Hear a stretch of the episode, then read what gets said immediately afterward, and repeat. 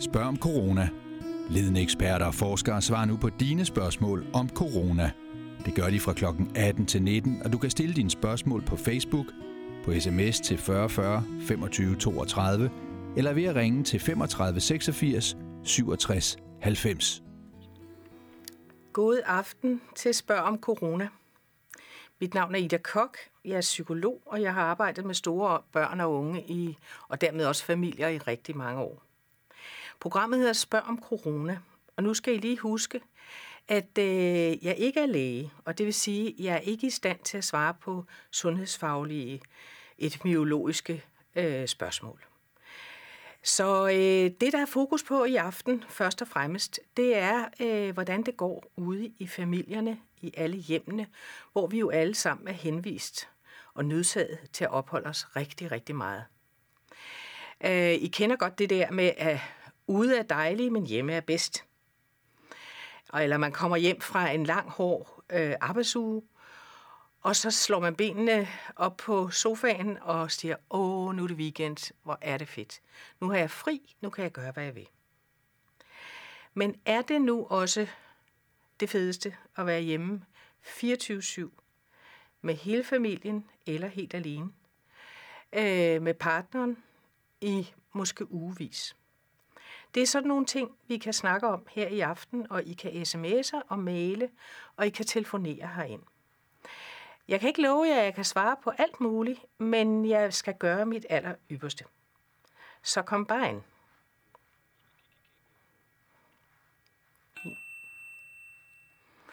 Her er der en sms, kan jeg se. Der står, min angst er blusset op, meget op, og jeg tør ikke gå ud og handle. Hvad skal jeg gøre?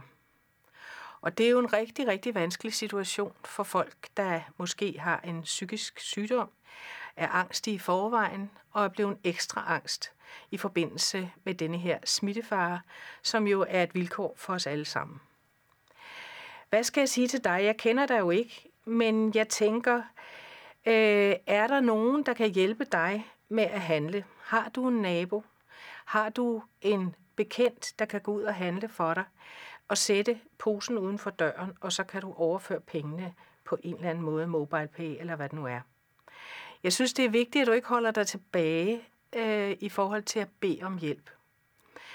Øh, nu kommer det også an på, hvor voldsom din angst er. Fordi det kan være meget godt at udfordre den, hvis den bare ikke er så stor. At du øh, prøver at se, hvor meget du faktisk kan. Øh, at presse dig selv lidt, øh, og overvinde din angst. Men hvis det ikke er muligt for dig, så synes jeg, det er vigtigt, at du beder nogen om hjælp, fordi du skal føde ligesom alle vi andre skal. Så tak for det spørgsmål. Jeg håber, du kan bruge til noget. Ja, hvorfor hamster folk, står der her. Regeringen siger jo, at det er, der er varer og toiletpapir nok. Ja, det har jeg også spurgt mig selv om, og der hvor jeg bor, der kan Mette Frederiksen nok så godt sige, at der ikke bliver hamstret ude i butikkerne, men det gør der. Og det er lige fra gær til toiletpapir til indgangshandsker og alt muligt andet. Hvorfor hamstrer de? Altså, øh, jeg tror, de er bange for selv at mangle det, øh, som øh, de hamstrer. Det er jo ikke sjovt at gå på toilettet uden toiletpapir. Øh, men, men det er sådan lidt egoistisk, vil jeg sige, fordi jeg tror faktisk på, i og med, at de har garanteret, at alle vareforsyningerne er fuldstændig som de plejer. Så med andre ord, hvis vi købte ind, som vi plejede, så ville der ikke være tomme hylder. Øh, så jeg kan ikke sige andet end, jeg tror, det er grådighed og egoisme, og jeg synes faktisk ikke, det er okay. Øh, nu skal vi i disse coronatider passe på ikke at slå hinanden i hovedet. Nu kan man jo have en familie, øh, øh, der er kæmpestor eller bo i et kollektiv, så man kan ikke altid vide, om den der, der tager øh, tre øh, omgange toiletpapir, øh, er ude på at hamstre. Det kunne være, at de har en hjemmesituation, der er meget voldsom. Men øh, det her er hermed en opfordring til at holde op med det. Det var det svar. Hvordan snakker jeg bedst med min syvårige datter om det her? Og det ved jeg, det er der rigtig, rigtig mange forældre, der er i tvivl om. Og som det første vil jeg sige, at det er noget, som børns vilkår øh, går rigtig meget op i, og som de ved utrolig meget om. Og derfor til alle forældre vil jeg sige, gå ind på Børns øh, Vilkårs hjemmeside og se, hvad det er, børn spørger om, hvad de er bekymrede for, og hvordan det kan være fornuftigt at svare. Øh, man skal altid tilpasse øh, sine svar til det konkrete barn. Hvor gammel er barnet? Nu ved vi her, at der er en syvårig. Øh, hvor gammel er barnet? Øh, hvad har det hørt? Hvad ved barnet? Og så videre. Men, men øh, jeg vil bruge det her øh, øh, spørgsmål til at sige, det, der er vigtigt, vigtigt, vigtigt at snakke med sine børn om, det er at forklare, hvorfor er dagen og livet i øjeblikket ikke som det plejer. At forklare det ordentligt, at der er en dum sygdom, øh, som er i alle mulige lande, og som vi helst skal undgå at blive smittet med. Og den måde, vi undgår at blive smittet, det er ved at passe rigtig godt på, holde afstand, blive hjemme så meget som muligt, vaske hænder og spritte og alt det, vi alle sammen ved nu. Det kan et syvårigt barn sagtens forstå. Øh, men i den anledning vil jeg også sige, at det er, der er rigtig mange børn, der er bekymrede, og som ringer ind til børns vilkår, sms'er eller hvad de nu gør, med en ængstelighed. En ængstelighed, fordi de har hørt noget, som skræmmer dem. Og der er det altså vigtigt, at forældre altid tager deres børns bekymring og ængstelighed alvorligt, og snakker med dem om, hvad er det, du går og tænker på? Øh, hvad er det, du har hørt? Hvad ved du? Fordi de opsnapper alt muligt, som de voksne taler om, og som også foregår i medierne. Og det sætter nogle tanker i gang, som de ofte ikke er i stand til at have med at gøre. Så derfor tal ordentligt med dit barn, og øh, berolige barnet. Og, altså ligesom vi skal lære øh, små børn, at de skal ikke gå over for rødt lys, så risikerer de at blive kørt ned. De skal vente til, der bliver grønt. Sådan er det også med corona. Vi skal, vi skal øh, passe rigtig godt på. Vi skal tage nogle forholdsregler, og så er sandsynligheden for, at vi bliver smittet meget, meget lille. Og den sammenligning, de to eksempler, det kan børn godt forstå. Endnu en sms. Jeg synes, at det er hårdt ikke at se mennesker i det daglige. Hvad kan jeg gøre? øh, til dig vil jeg sige, det tror jeg, vi alle sammen synes. Vi kan ikke se vores nære og kære, vi kan ikke knuse og kramme dem, og vi savner. Og det her er jo fuldstændig aparte situation. Vi har aldrig været i den før, og vi ved faktisk ikke, hvordan vi skal håndtere det. Hvad kan vi så gøre, når der er så meget, vi ikke må? Vi skal prøve at få øje på det, vi godt må, og som måske kan hjælpe os lidt på vej, når vi nu ikke kan det, vi allerhelst vil. Nemlig knuse og kramme og holde i hånden og ses og gå i biografen og café. Der er noget, vi må. Øh, først og fremmest er det jo heldigvis sådan i Danmark, at vi har ikke udgangsforbud. Og jeg vil i den grad tale for, at vi bruger den mulighed at gå udendørs. Gå ud af hjemmet, fordi det kan føles vældig trangt. Det kan være irriterende at være op og ned af hinanden hele tiden. Gå ud, hvor der er plads. Ud, hvor der er frisk luft. Det er dejligt vejr i øjeblikket. Der er masser at se på. Små blomster, der er ved at komme op. Det kan man gøre sammen med børnene. Man kan balancere på træstammer. Man kan gøre alt muligt udendørs. Så længe man holder afstand og bliver med hinanden. Øh, man kan godt som voksen gå en tur med en god ven eller veninde, holde afstand, gå udenom folk, uden at være i risiko. Og have nogle gode fælles oplevelser og tid til at snakke sammen. Øh, der er andre muligheder også for at holde kontakt med dem, vi savner. Og der er selvfølgelig alle de sociale medier, og der er øh, Skype og FaceTime og alle mulige muligheder, hvor vi kan være i tæt og god og fortrolig kontakt med dem, vi holder af. Nej, vi kan ikke røre ved hinanden.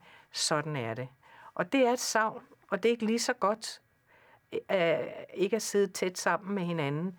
Men nu er vilkårene altså sådan, og vi skal passe rigtig godt på hinanden.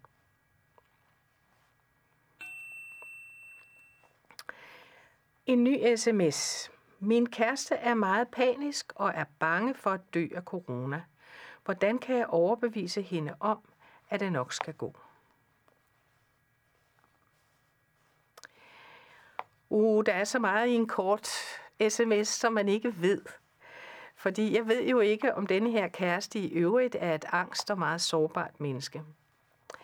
Men øh, igen er svaret vel, at øh, hvis du passer rigtig godt på dig selv, og spritter, sprit her, spritter og holder afstand, og øh, gør alt de, øh, øh, følger alle de retningslinjer, som Sundhedsstyrelsen øh, har udstukket, øh, Øh, så er sandsynligheden for at få corona meget lille. Nu ved jeg selvfølgelig ikke, øh, om øh, kæresten, der her taler om, er en af dem, der er ude på arbejdsmarkedet. Fordi øh, der er jo en stor del af den danske befolkning, som, som hverdagens helte øh, er nødt til at gå på arbejde for vores andres skyld. Og kæresten der kan jo være en af dem, som er en del af sundhedspersonalet eller plejehjemspersonalet, eller sidder i, en, i, i en, et supermarked og skal betjene alle os andre. Øh, og så er det jo udfordrende, hvis man i øvrigt er et angst- og sårbart menneske. Men jeg synes til dig, der siger, hvordan kan jeg overbevise om, at det nok skal gå, at du skal tale med din kæreste, at I måske skal læse lidt på lektien. Der, der, der ligger helt vildt meget materiale inde på Sundhedsstyrelsens hjemmeside og alle mulige andre steder. Og læse på lektien. Øh, og det er jo sådan, at øh, der findes faktisk sygdomme, der er mere Nå, nu skal jeg passe på det der med det lægefaglige, men det hørte jeg lige i går, at der er jo sygdomme, der er meget, meget mere smitsomme, og som vi ikke er så skræmte for. Her er der faktisk nogle ting, som vi kan gøre for at beskytte os, og det er det, vi skal gøre, og så leve så normalt, som vi nu kan øh, ved siden af. Så øh, gå ind og se på, hvad der er viden om det, og øh, du og kæresten kan jo gå tur sammen og se, at der er rigtig mange andre mennesker, der også går tur. Behøver ikke gå lige i rumpen på hinanden. Øh, men, øh, og det er jo nok, fordi det ikke er så farligt, og det ikke er sådan, at vi står over for at skulle dø af corona. Heldigvis i Danmark er det ikke så mange, der er døde. Øh, vi kan desværre forudse, at der nok kommer flere, men vi har et vældig kompetent sundhedsvæsen, og øh, det skal vi have tillid til. Ja. Personligt har jeg det fint, men har ondt af de gamle i min opgang, der sidder helt alene, og er der noget, jeg kan gøre på afstand for at hjælpe? Ja, der er jo nogle grupper i vores samfund, som er rigtig slemt udsat i denne her situation. Det er både de enlige, midalderne, gamle, det er syge mennesker, det er dem, der er på plejehjem og ikke må få besøg. Og, øh, og der sidder rundt omkring i Danmark, i mange opgange, sidder der ældre enlige, som i forvejen er ensomme, og faktisk i forvejen lider under den ensomhed. Det, det ved vi. Øh, og her er vedkommende måske ekstra, ekstra isoleret på grund af, at barnebarnet ikke kan komme og besøge, eller sønnen eller datteren eller naboen ikke kan komme ind. Øh, og du spørger, er der noget, jeg kan gøre på afstand for at hjælpe? Øh, ja, det synes jeg, der er.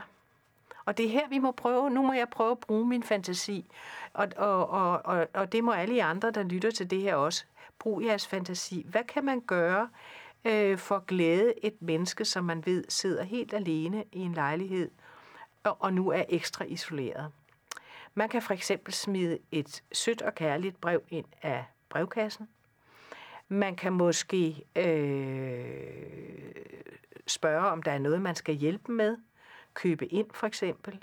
Man kan ringe til vedkommende, hvis man har øh, vedkommendes telefonnummer. Øh, altså vise, øh, at man er opmærksom på det her menneskes vanskelige situation og gerne vil hjælpe. Og jeg synes, altså øh, det jeg har både læst mig til og set, det er, at øh, der er en utrolig øh, vokset en utrolig fællesskabsfølelse og solidaritet ud af denne her forfærdelige krise, øh, som viser, at der er altså et potentiale rundt omkring i Danmark af mennesker, der rigtig gerne vil hjælpe. Og jeg fornemmer også, at det er det, der ligger bag denne her sms. Hvad kan jeg gøre? Jeg vil gerne gøre noget. Og det synes jeg er så fint. Øh, øh, jeg så her på et, et, to opslag på en lygtepæl øh, i morges, hvor der var sikkert to unge, der sagde, Øh, hvis jeg kan hjælpe med at købe ind, jeg skal ikke have noget for det, så vil jeg gerne. Og så var der et telefonnummer. Det synes jeg bare er rørende og et rigtig godt tegn på, at denne her redsom krise også kan mobilisere nogle fede kræfter. Ja. Jeg er begyndt at drikke i det daglige. Nok af ensomhed. Er der noget, jeg skal passe på med? Ja, det er jo fristende. Øh, fordi rigtig mange af os har svært ved at finde ud af denne her hverdag. Vi går måske og keder os lidt, og det vi har brugt tid på før, det kan vi ikke mere. Vi kan ikke længere gå i fitness, vi kan ikke længere se vennerne, alle de her ting, vi ikke længere kan og må. Og øh, så kan ensomheden banke på, og øh, så kan trangen til at trøste sig lidt med noget alkohol, det kunne også være mad, det kunne også være has øh, eller andet, øh, så øh, kan trangen til at trøste sig med noget øh, dukke op. Og ja, når du spørger, er der noget, jeg skal passe på med? Ja, jeg synes, det er rigtig uheldigt, hvis, du, hvis denne her øh, afsondrethed, som vi alle er underlagt, at den fører til, at du øh, oparbejder sådan et hverdagsdrikkeri, som er mere end et enkelt glas. Øh, hvis du holder dig til et enkelt glas, øh, men det er ligesom ikke helt det, jeg fornemmer på den her sms, men hvis du holder dig til et enkelt glas øh, hele ugen igennem, så holder du dig inden for øh, alkoholgrænserne. Øh, men jeg synes, du skal passe på og se og prøve at tænke på, øh, er der noget andet, du kan gøre? Kan du række ud efter nogle andre mennesker? Ikke sådan fysisk jo, men øh, på nettet, eller kan du chatte med nogen, eller, øh, for det er ikke underligt, at du føler dig ensom, og måske ekstra ensom. Men, men dybest set ved du jo godt, og det ved vi alle sammen, at alkoholen kan dulme lige i stunden, men den, den kan ikke tage din ensomhed og alenefølelse væk på sigt. Så pas på med det. Det vil jeg anbefale dig.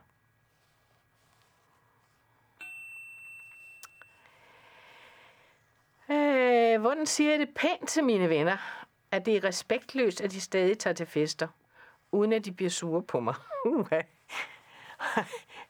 det synes jeg må være meget svært at sige pænt. Jeg synes, man skal sige det. Jeg synes, det er respektløst og hensynsløst, og jeg kunne rigtig godt lide, at Margrethe sagde det højt. Altså vores dronning. Øh, det er ikke ordentligt. Men øh, det er ikke en ordentlig måde at passe på andre mennesker på, og det er ikke ordentligt over for sig selv. Øh, jeg gætter på, at du, når der nu er fester, siger nej tak. Det vil jeg faktisk ikke, for jeg vil gerne passe på jer andre og mig selv. Det er en måde at sige det på. Man kan også sige, det synes jeg ikke, I skal gøre. Jeg synes faktisk ikke, det er smart. Øh, og jeg er ked af det. Jeg er bange for, at jeg ikke vil sige det så forfærdeligt pænt hvis jeg opdagede det. Jeg tror faktisk, jeg nærmest vil sige, at det er noget svineri. Fordi det synes jeg. Men øh, du vil gerne sige det pænt. Måske kan du bruge et par af de formuleringer, jeg kom med før.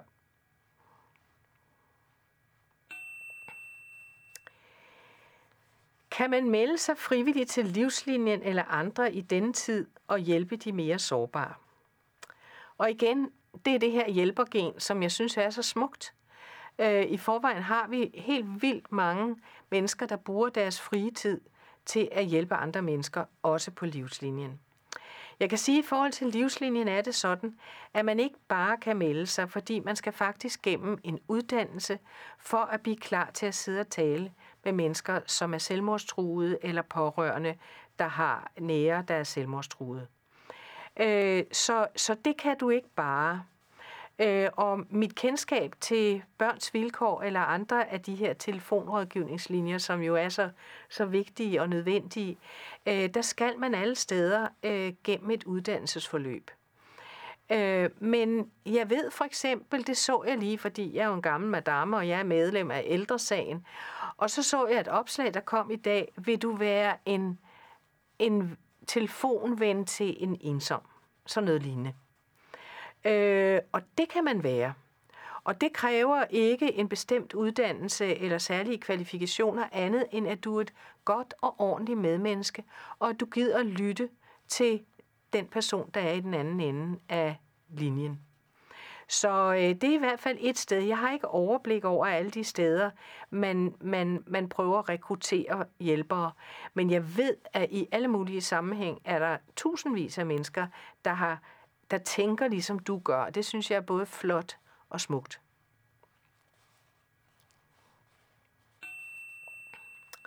Min kæreste og jeg har ikke set hinanden i to uger. Uff. Jeg har, det, jeg har dårligt selvværd og er bange for, at han dropper mig. Hvad skal jeg gøre?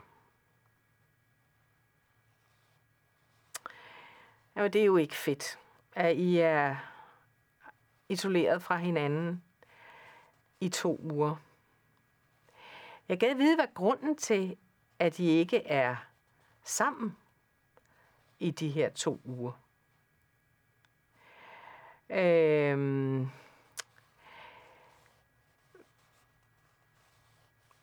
og, og spørgsmålet er jo selvfølgelig, er det klogt måske at være sammen? Øh, jeg ved ikke, hvorfor du tænker, du siger, du har dårlig selvværd, øh, og er bange for, at han dropper mig. Hvad skal jeg gøre?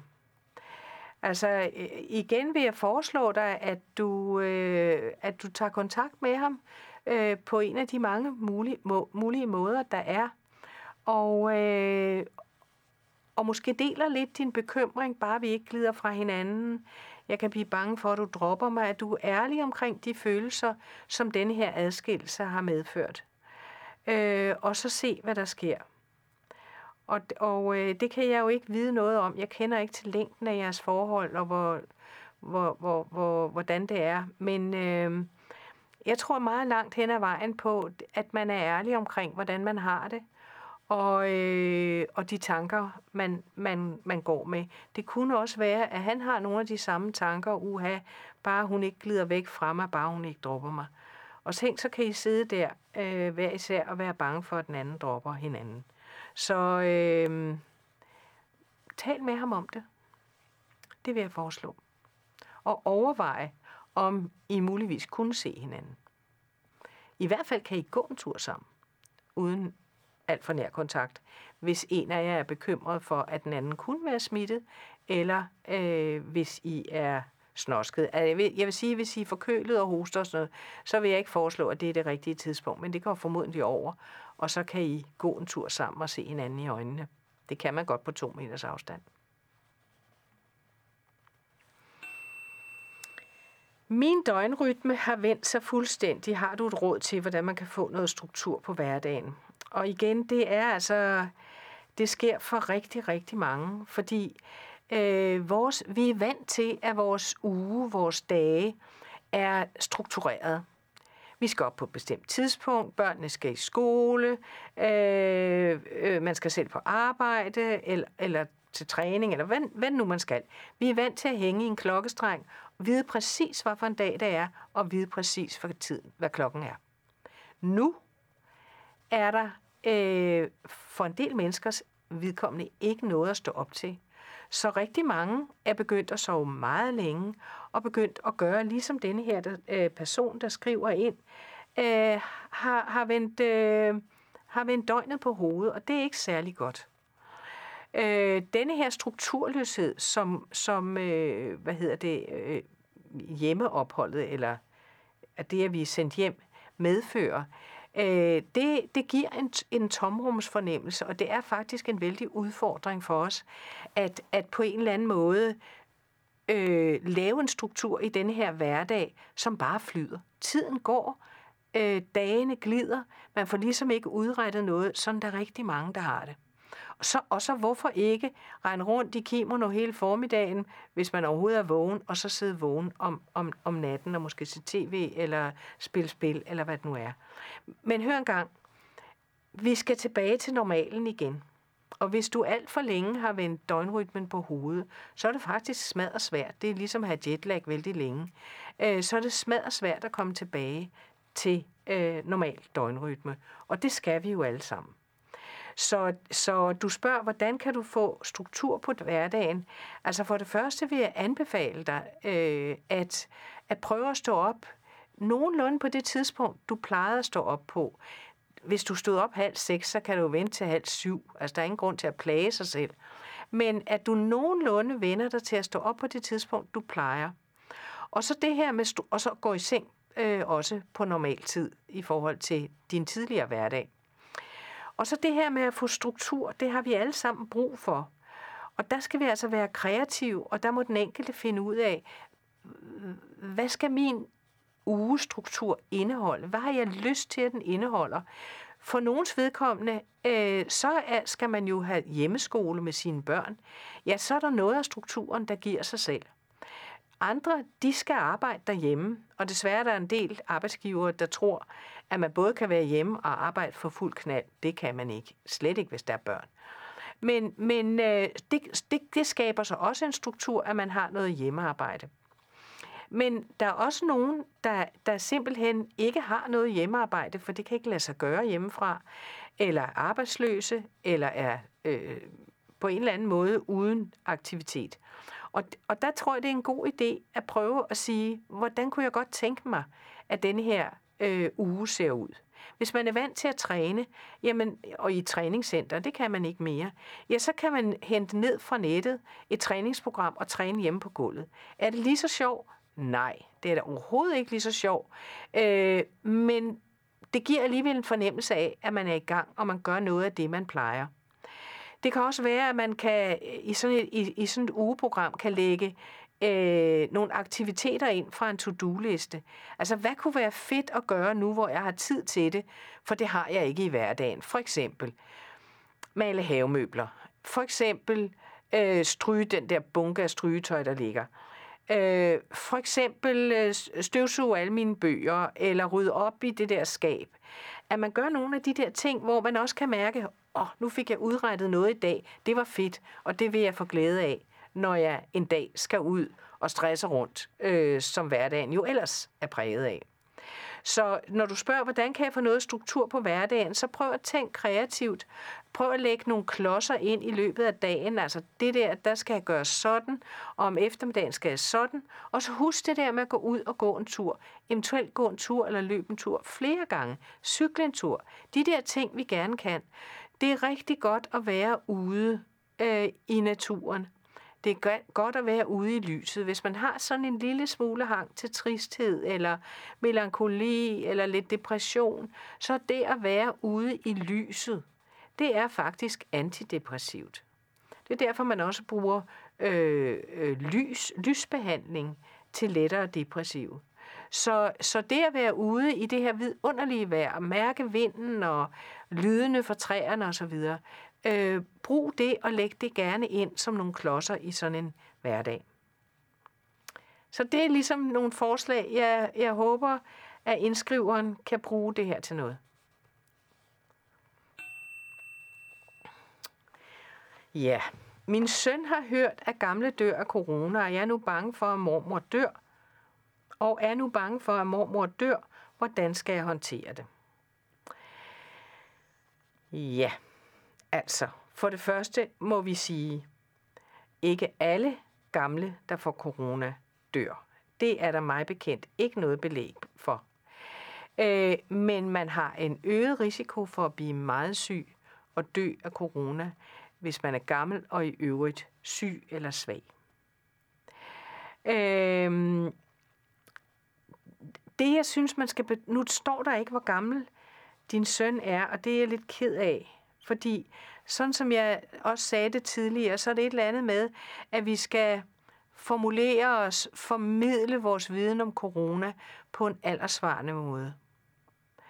Øhm, men det vi skal betone, det er, at rigtig, rigtig mange mennesker ikke får corona. Rigtig, rigtig mange mennesker får corona og kommer ud af det, ligesom hvis de havde haft en slem lungebetændelse, eller hvad hedder det, hvad hedder det influenza. Øhm, og at man kan gøre rigtig meget. Jeg tror, der er mange børn, fordi de har hørt et eller andet, og netop det her med gamle, de stiller lige præcis det spørgsmål til deres forældre, som du kommer med her på sms'en. Jeg er bange for farmor, farfar, bedste, altså bedsteforældrene, eller andre gamle, som de holder af, at de kan blive syge og dø.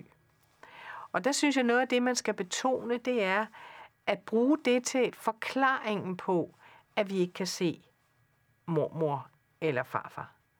Vi kan ikke se ham på den sædvanlige måde. Vi kan se ham på andre måder, men ikke den sædvanlige måde, fordi vi passer på mormor eller farfar, eller hvem det nu er. Øh, og vi kommer til at se mormor og farfar igen, når det her går over. Øh, og så synes jeg, øh, apropos det, jeg sagde tidligere, at øh, du siger, at din søn er bange. Øh, øh, snak med ham om de følelser, han har. Lad ham udfolde det. Altså, øh, og pas på ikke at sige, at der er ikke noget at være bange for. Altså, det ved de jo godt er løgn, for de kan jo godt se, at hele samfundet og hele verden og livet er vendt på hovedet, og det må der være en god grund til. Øh, så der er noget at være bange for, men hvis vi opfører os rigtig godt og fornuftigt, så er der ikke noget at være bange for. Øh, det er en kompliceret problematik. Jeg, jeg ved ikke om... Jeg håber, du kan bruge det her til noget. Øh, men øh, jeg synes, det er vigtigt at berolige børnene, øh, for det er klart, de bliver opskræmte. Øh, på, også på nogle måder, der ikke er så savlige. Så når han, når han har hørt, at gamle dør af corona, så kan du sige til ham, kære ven, det, sådan er det heldigvis ikke. Men nogle gamle, som måske har det særlig svært og er særlig sårbare, de kan dø af corona. Okay. Min demente far ringer dagligt og spørger, om ikke jeg kommer til frokost. Det er hårdt at sige nej. Hvad skal jeg gøre? Uff, ja. Jeg tager lige lidt vand.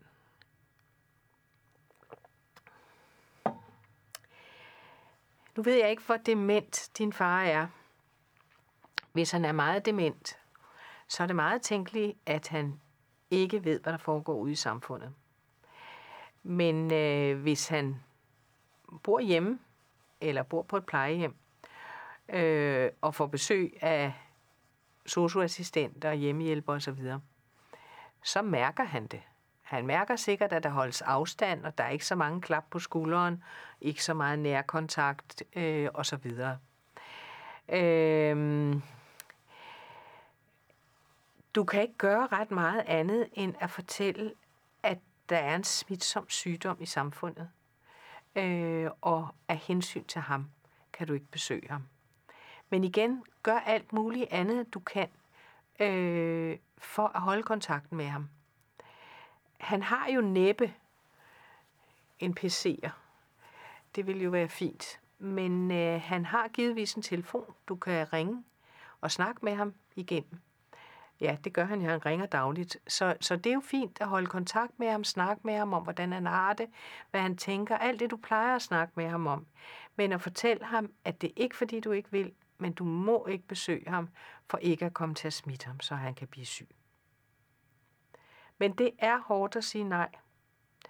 Og øh, der er mange, der er i den samme situation, som du er. Det er meget plagsomt også at have en nærtstående, der ligger på hospitalet, og af hensyn til den syge øh, og medpatienter og personalet, så må vi ikke besøge de syge. Det er frygteligt.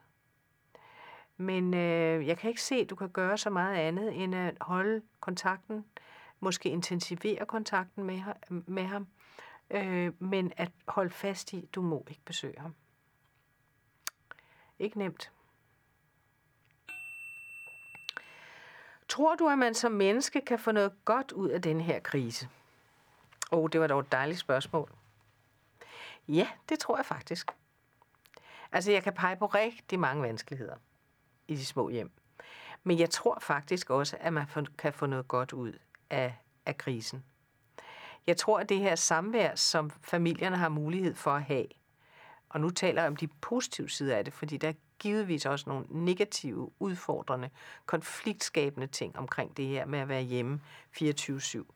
Men at man kan få nogle rigtig dejlige oplevelser med sine børn, og sammen i, i sit parforhold, øh, som man ikke ville have haft tid og lejlighed til øh, at øh, få i en travl hverdag, hvor alt er hængt op på klokkeslæt og opgaver, pligter og gøremål. Øh, jeg snakkede før om det her med den fællesskabsfølelse, som øh, udmyndter sig i, at folk er hjælpsomme, øh, tilbyder sig rundt omkring. Og, øh, og det synes jeg er noget meget fint, og det synes jeg er noget meget vigtigt at holde fast i, også efter den her krise. Øh, jeg har lagt mærke til, at når jeg møder folk ude i skoven eller på gaden, når jeg er ude at gå, øh, at folk er smilende. Og øh, når vi står der øh, halvanden meter til to meter fra hinanden, så er folk meget mere snakkesalige. Det er ligesom gang der var busstrække, eller øh, andre problemstillinger, hvor vi havde sådan en fælles problematik, så begynder folk at snakke sammen. Det synes jeg er smadret hyggeligt. Nu sidder vi jo ikke og snakker sammen i bussen, men, men, øh, men det kunne være, at vi skulle begynde at snakke lidt mere sammen med dem, vi sidder ved siden af, oven på det her, fordi folk taler mere sammen. Øh, og nu har jeg ikke tænkt over det her men, men sådan, så meget, øh, men der er sikkert mange andre ting, der kan, der kan, fine ting, der kan komme ud af det her. Det kan være, jeg kan nå at komme tilbage til det. Men øh, det er et godt spørgsmål. Jeg synes, det, jeg synes, det er smadret vigtigt. Vi er så fokuseret på trusler og risici og forbehold og øh, alt det, vi ikke må. Øh, at se på, øh, hvad kan der komme godt ud af det? Eller hvad godt kan der komme ud af det? Jo, der er en anden ting, der kan komme ud af det. Altså, vi har, ved siden af, at vi har en coronaproblematik, så har vi en klimakrise. Og lige nu er det sådan, at almindelige face-to-face øh, forretningsmøder og sådan noget, det kan ikke afholdes. Og jeg tror rigtig mange steder, at man så afholder bestyrelsesmøder og forretningsudvalgsmøder og alt muligt andet, at det holder man øh, øh, over nettet. Og tænk, jeg synes, det er en rigtig, rigtig god ting, hvis det her bliver sådan en øveperiode i forhold til, hvad man faktisk kan, også ud over Danmarks grænser i hele verden, der kan man mødes på den måde, uden at skulle svine miljøet til med flyrejser og den slags. Så det er da også en positiv ting. Kan det være skadeligt for børn, at fjernsynet er meget tændt på nyheder og breaking news? Øh, ja, det vil jeg sige, det kan det godt. Fordi øh, uanset om det er Mette Frederiksen, eller Søren Brostrøm, eller hvem der træder frem på, på, øh, på skærmen, så er det alvor. Der er ikke meget øh, tant og fjas og humor, og det er heller ikke sjovt det her. Det er rigtig, rigtig alvorligt. Og øh, jeg synes ikke, at fjernsynet skal gå, øh, hvor børnene uovervåget kan sidde og se alt muligt, også fra andre lande med forfærdelige, øh, øh, helt anderledes forfærdelige øh, tilstande, end dem vi kender herhjemme fra Danmark. Jeg er bange for, at de bliver bange af det. Og det er faktisk noget af det, som Børns Vilkår også slår fast i deres sådan forslag til retningslinjer, at man ikke lader børn se de her udsendelser, og slet ikke alene. Så selvfølgelig kan de blive bange. Ja. Jeg har koler og ekstra nervøs i denne tid. Hvordan får jeg styr på mine tanker? Uh, det er et svært spørgsmål. Du er, har kol, og det betyder jo, at du er særlig udsat i forhold til en luftvejsinfektion. Og du er ekstra nervøs. Øh, jeg kunne ønske mig, at du var ekstra påpasselig. Fordi nervøsiteten er der ikke noget godt ved, men påpasseligheden og opmærksomheden på, at man skal beskytte sig, den er rigtig, rigtig konstruktiv. Øhm, jeg tror, jeg vil sige til dig på samme måde, som jeg, jeg sagde til, det, til øh, kæresteparet der, hvor den ene var så vældig angst, øhm, at øh, prøv at læse lidt på lektien, altså gå ind og kig på, hvad der er af, af viden. Fordi jeg synes faktisk, øh, at rigtig meget af den viden, man kan læse sig til, eller lytte sig til, øh, den er også beroligende. Ikke? For eksempel den viden, der går ud på, at, at rigtig mange af dem, der har haft corona, de, øh, også dem, der har været indlagt på hospitalet, de rejser sig igen og bliver raske. Øh, så synes jeg, det er vigtigt, at du ikke sidder alene med dine øh, negative eller nervøse tanker, øh, men at du deler dem med nogle andre. Øh, nu kender jeg ikke din alder, men men man kan jo have kol i alle aldre, men at du, du taler med nogen, noget, øh, hvis du har noget familie, eller du har nogle venner, taler om din ængstelighed. Øh, og lad, altså, det er vigtigt at lytte til hinanden, øh, både med de svære og de mindre svære tanker. Så tag kontakt. Du skal ikke sidde alene med de der svære øh, overvejelser, og så skal du selvfølgelig passe ekstra meget på.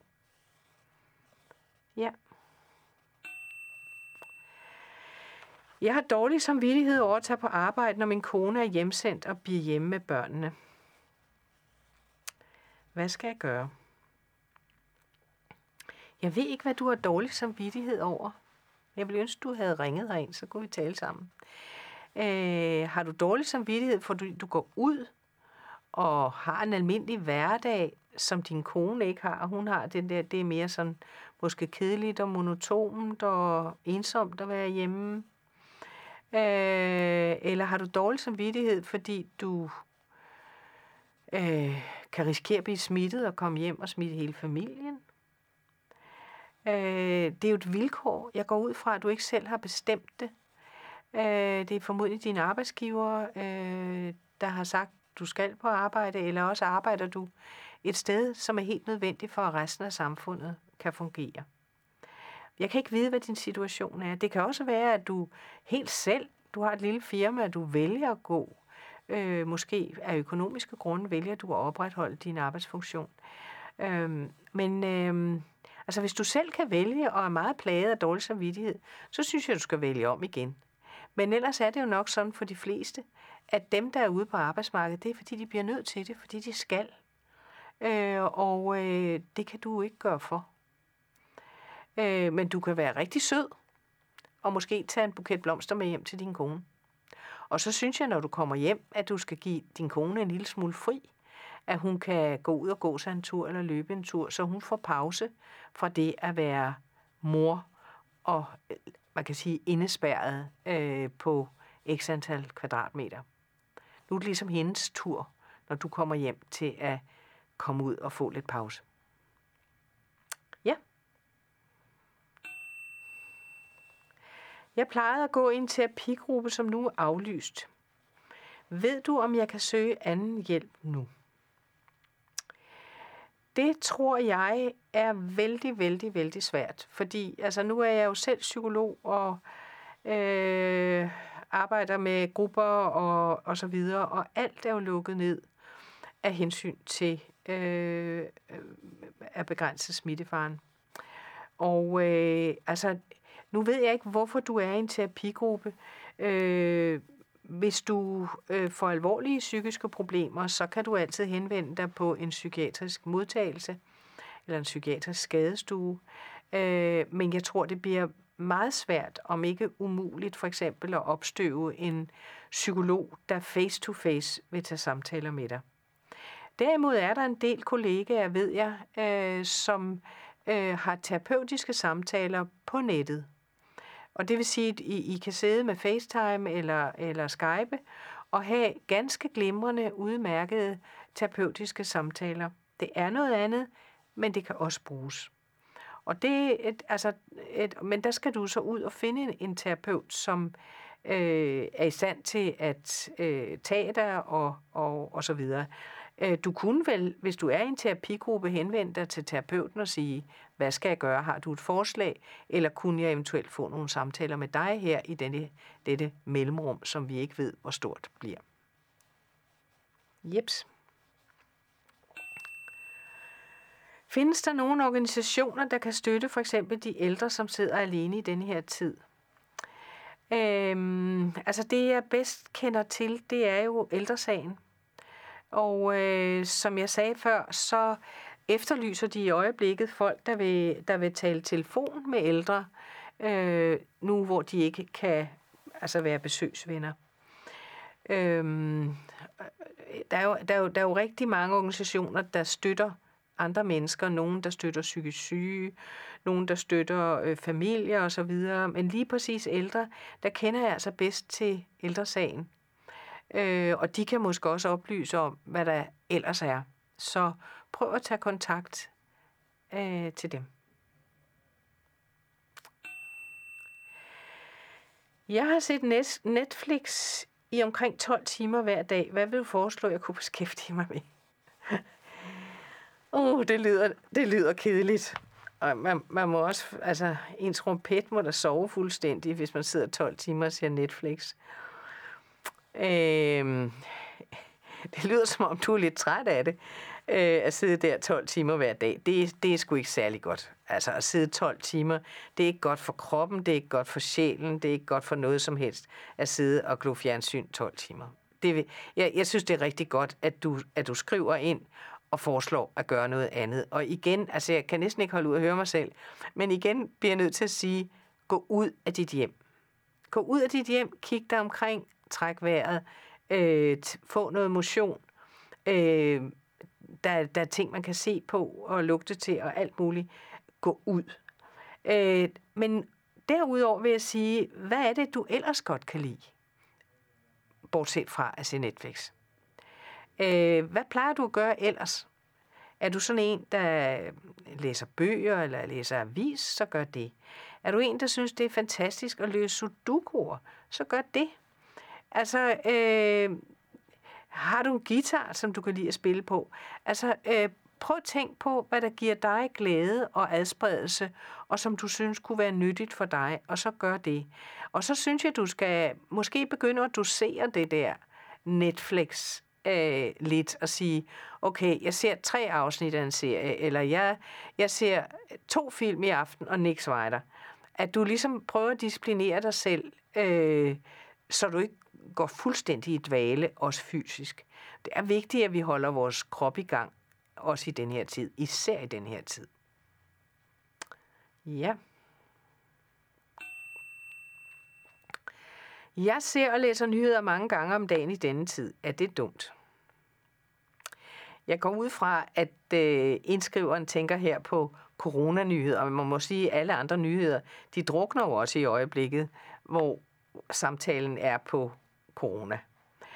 Øh, og jeg vil sige, altså, øh, er det dumt? Altså, vi vil alle sammen gerne i en eller anden grad holde os orienteret, men jeg har også siddet og hængt lidt for meget foran tv'et. Jeg vil sige, jeg hører det samme og det samme igen, så egentlig kunne man altså godt nøjes med at blive orienteret en gang i døgnet. Det tror jeg egentlig er helt rigeligt. Øhm, og så, og så øh, hvis, man, hvis man bliver urolig af alt det her coronasnak, altså, det er jo, uro, uroen er jo ikke nogen nytte til. Det er ikke noget, man behøver at dyrke. Øh, man, skal, man skal dyrke forholdsreglerne, men at dyrke uroen, det er der ikke nogen grund til. Så måske skal man springe de der artikler i aviserne over om corona, øh, hvis ikke det gør en godt, og så prøve at læse noget andet øh, som en, en god bog, øh, noget, noget der, gør, der giver en glæde og andre tanker end alt det her med, med øh, død, ulykke og elendighed.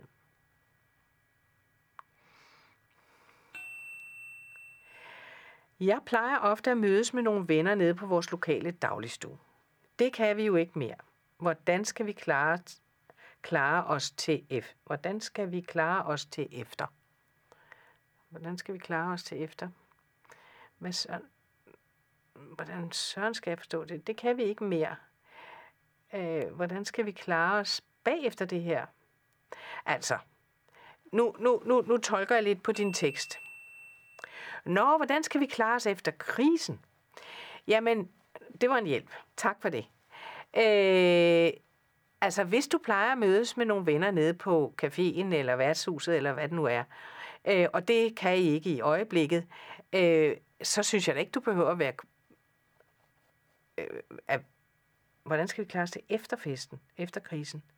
Hvordan skal vi klare os til efter krisen? Aha. Jeg tænkte, hvordan skal vi klare os efter krisen? For det, I skal sgu nok finde hinanden igen, det er jeg ret sikker på. Øh, men, men igen, I kan ikke det, I plejer. I kan ikke det, I holder af, og I savner, og sådan er det. Men prøv at holde en kontakt øh, til, til dine venner fra dagligstuen hvis du altså ellers ved, hvor de bor, øh, så, så du kan, eller kender deres telefonnummer, så du kan ringe til dem. Øhm, det du kan gøre, det er, at du kan lave dagligstue, havde nær sagt, derhjemme. Øh, lig, ligesom det her med, at man kan spise sammen og skåle, men hver for sig. Man kan godt spise med, sammen med andre mennesker, uden at blive smittet, hvis man sidder hver især og siger, nu er det middagstid, og så øh, skåler man, og så spiser man og snakker sammen. Det kan du også gøre med dine venner. Køb en strip bajer, hvis det er det, du plejer at drikke, og så øh, ring op til nogle af dine dagligstuevenner, og så øh, sid og snak sammen, som I plejer. Det vil jeg foreslå. Så held og lykke med det.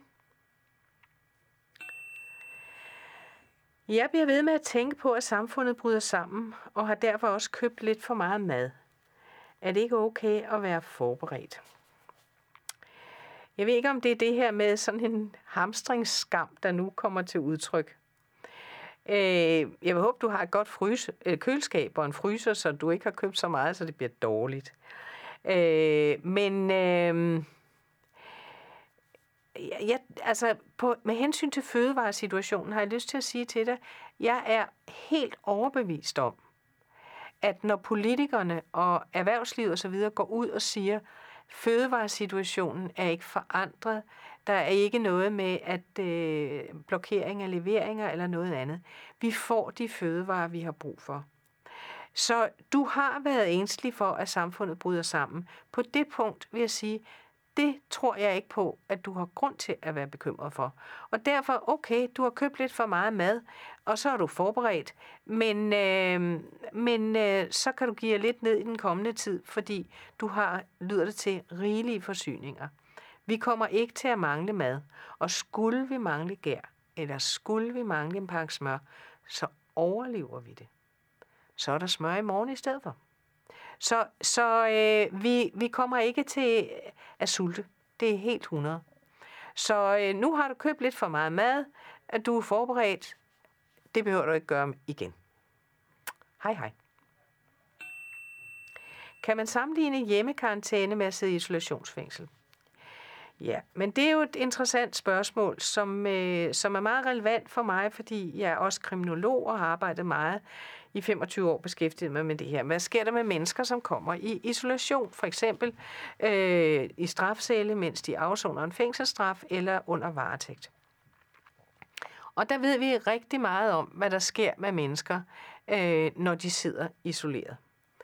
Og det er nemlig sådan, at vi er jo sociale væsener. Det kan man også se vældig tydeligt på, på alle de her sms'er. Det her med, man savner, og man har ikke de der venner til daglig. Alt det her.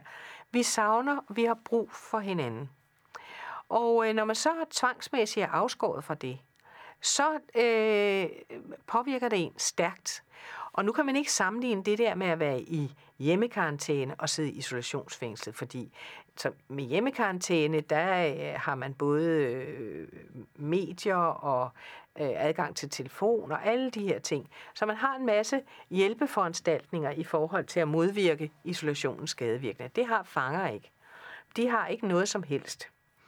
Øh, og der ved vi, at øh, fanger, det, det er meget risikabelt for den menneskelige psyke at sidde isoleret. Og det, det der især er slemt, det er øh, først og fremmest den sociale isolation, altså manglen på øh, meningsfuld kontakt med andre mennesker. Øh, det er også frygteligt ikke at kunne bevæge sig frit, det er klart, men, men det er den sociale kontakt, der skader. Og, øh, øh, så, så, men vi kan godt lære noget af isolationsforskningen i forhold til at forstå nogle af de reaktioner, mange af os mærker i, i den her hjemmetid. Restløshed, tristhed, ensomhedsfølelse, nogen får søvnproblemer eller vender op og ned på døgnet, som vi har hørt. Øh, nogen bliver så triste, at de næsten bliver deprimerede. Nogen får angst osv. Alt sammen noget, vi kender fra isolationsfængslet, men alt i alt en meget mindre grad. Ligesom isolationsgraden er meget mindre i hjemmekarantænen, så er symptomerne også meget mindre. Og der er det vigtigt at forstå, at de reaktioner, vi får, når vi øh, altså med restløshed, og dagene går, og vi får ikke lavet noget, vi kan ikke koncentrere os, eller hvad det nu er, eller vi bliver irritabel, det kan man også blive, øh, at det, øh, det er helt normale reaktioner på en fuldstændig unormal situation. Ikke? Det, det, der sker i Danmark i dag og i mange, mange andre lande, det er fuldstændig uvandt. Det er fuldstændig unormalt. Og det er klart, det reagerer vi mennesker på. Og det kan være med sådan nogle symptomer, som jeg nævnte før. Øh, og, øh, og det er derfor, det er så vigtigt at modvirke de der skadevirkninger ved at gøre noget, bruge sin fantasi, kommunikere alt det, man har lyst til med alle mulige, øh, gå ture, alt det der, så man bryder den der, det der kæmpe tomrum af tid og manglende struktur op i nogle enheder og gør nogle ting. Det er rigtig vigtigt. Det, det, det kan fangerne ikke på samme måde. De kan godt gøre lidt, og vi har lavet nogle pjæser til fangerne om, hvad de kan gøre men for at modvirke følgevirkningerne. Men, men, men her for os, der er i karantæne, der kan vi gøre rigtig meget. Ja, øh, jeg skal til at runde af nu for i aften. Tiden er gået. Tusind tak for alle sms'erne. Øh, jeg håber, det har været brugbart for dem, der har skrevet ind, og ikke mindst for alle dem, der har lyttet med på det her. Så øh, pas på jer selv, pas på hinanden, hygge jer derhjemme, men husk også at give hinanden pauser fra den der hjemmehygge. Det kan faktisk give et rigtig godt energipust at komme lidt fra hinanden også. Så god aften.